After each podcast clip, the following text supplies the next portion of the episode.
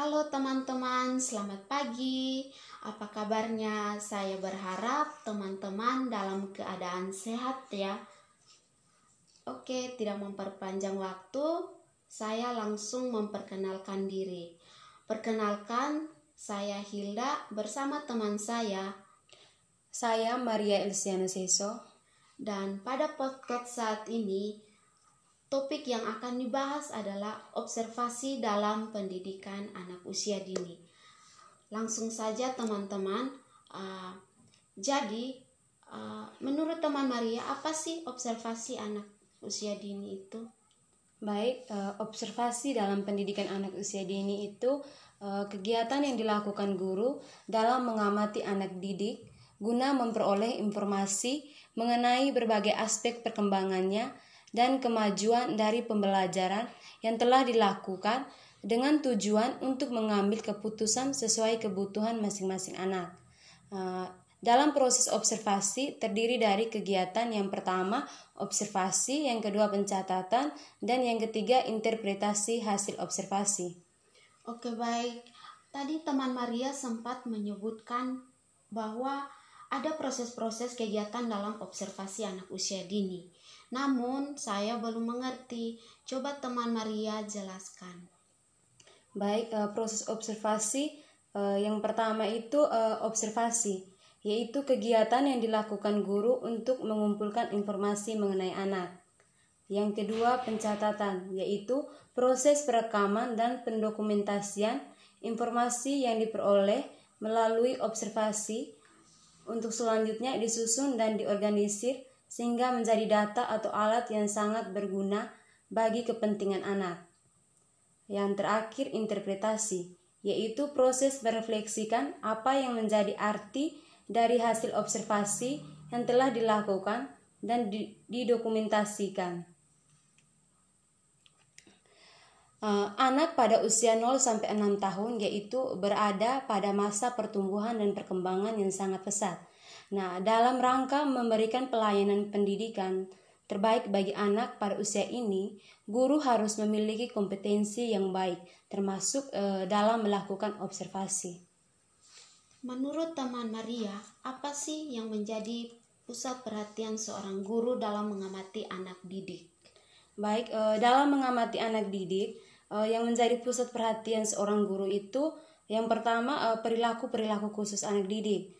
Eh, yang kedua, interaksi antar kelompok kecil anak didik eh, untuk mengungkap apa yang dilakukan mereka. Oh iya baik. Lalu dalam mengamati anak, apakah ada jenis-jenis pengamatan? Oh, Baik, eh, dalam mengamati anak perlu menyadari bahwa ada jenis-jenis pengamatan. Yang pertama itu pengamatan insidental. Eh, Pengamatan ini terjadi ketika pendidik berkeliling di antara anak didiknya eh, yang sedang berkegiatan dan menyelesaikan tugasnya atau pada saat acara bercerita.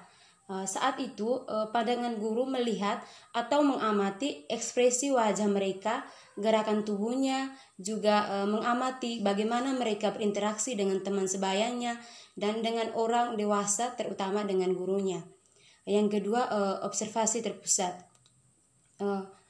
Observasi eh, terfokus dengan menggunakan eh, format yang direncanakan lebih dulu seperti eh, checklist dan catatan anekdot. Oh iya, yang saya dengar tadi pada observasi terpusat, teman Maria menyebutkan format-format yang digunakan dalam observasi. Coba teman Maria jelaskan format-format tersebut. Oh, baik, eh, yang pertama itu eh, checklist. Eh, checklist adalah teknik pencatatan menggunakan tanda tertentu, misalnya centang, huruf, simbol. Checklist di PAUD biasa menggunakan huruf, yaitu BB berkem- belum berkembang, MB mulai berkembang, BSH berkembang sesuai harapan, BSB berkembang secara baik. Yang kedua itu anekdot, yaitu catatan singkat yang menggambarkan perilaku anak secara faktual dan objektif. Oh iya, teman Maria. Lalu, apakah dalam format-format tersebut ada kelemahan ataupun kelebihannya? Coba teman Maria jelaskan. Eh, baik, eh, dalam format tersebut ada kekurangan dan kelebihannya. Yang pertama itu uh, checklist. Kelebihannya uh, checklist mudah digunakan dan hanya memerlukan latihan kecil. Yang kedua uh, tersedia kapan saja diperlukan. Yang ketiga uh, bersifat fleksibel dan dapat digunakan untuk berbagi strategi penilaian. Yang keempat, uh, guru dapat mengevaluasi dalam suasana yang menyenangkan dan mendapat hasil yang diperlukan. Kekurangannya yaitu memerlukan waktu dalam penggunaannya. Yang kedua, membuat catatan dapat mengurangi waktu bermain dengan anak didik. Yang ketiga, eh, guru harus dapat mengatur waktu eh, sehingga dalam menggunakannya tidak mengganggu proses pembelajaran. Eh, yang berikut kelebihan dan kekurangan dari catatan anekdot. Kelebihannya yang pertama, guru tidak memerlukan pelatih khusus untuk melakukan pencatatan. Yang kedua, pengamatan bersifat terbuka. Maksudnya di sini bahwa pengamatan guru dapat mencatat apa saja eh, yang dilihatnya tanpa dibatasi. Hanya satu macam perilaku khusus. Yang ketiga itu kekurangannya, yaitu catatan anekdot tidak memberikan gambaran yang lengkap karena hanya mencatat peristiwa-peristiwa yang menarik minat pengamat.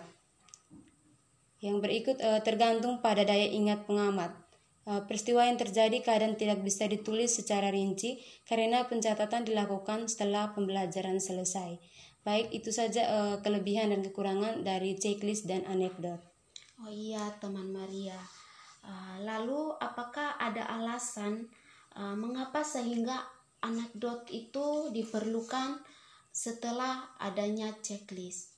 Oh iya kak, uh, anekdot uh, diperlukan uh, untuk mendukung checklist dalam mencatat perkembangan anak, terutama perkembangan yang tidak tercover dalam checklist.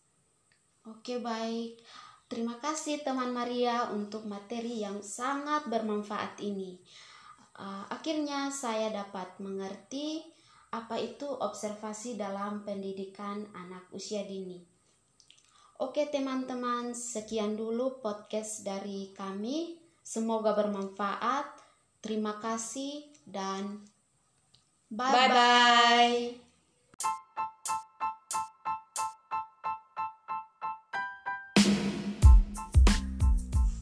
Halo teman-teman, selamat pagi. Apa kabarnya? Saya berharap teman-teman dalam keadaan sehat ya. Oke, tidak memperpanjang waktu, saya langsung memperkenalkan diri. Perkenalkan, saya Hilda bersama teman saya. Saya Maria Elsiana Seso. Dan pada podcast saat ini, topik yang akan dibahas adalah observasi dalam pendidikan anak usia dini.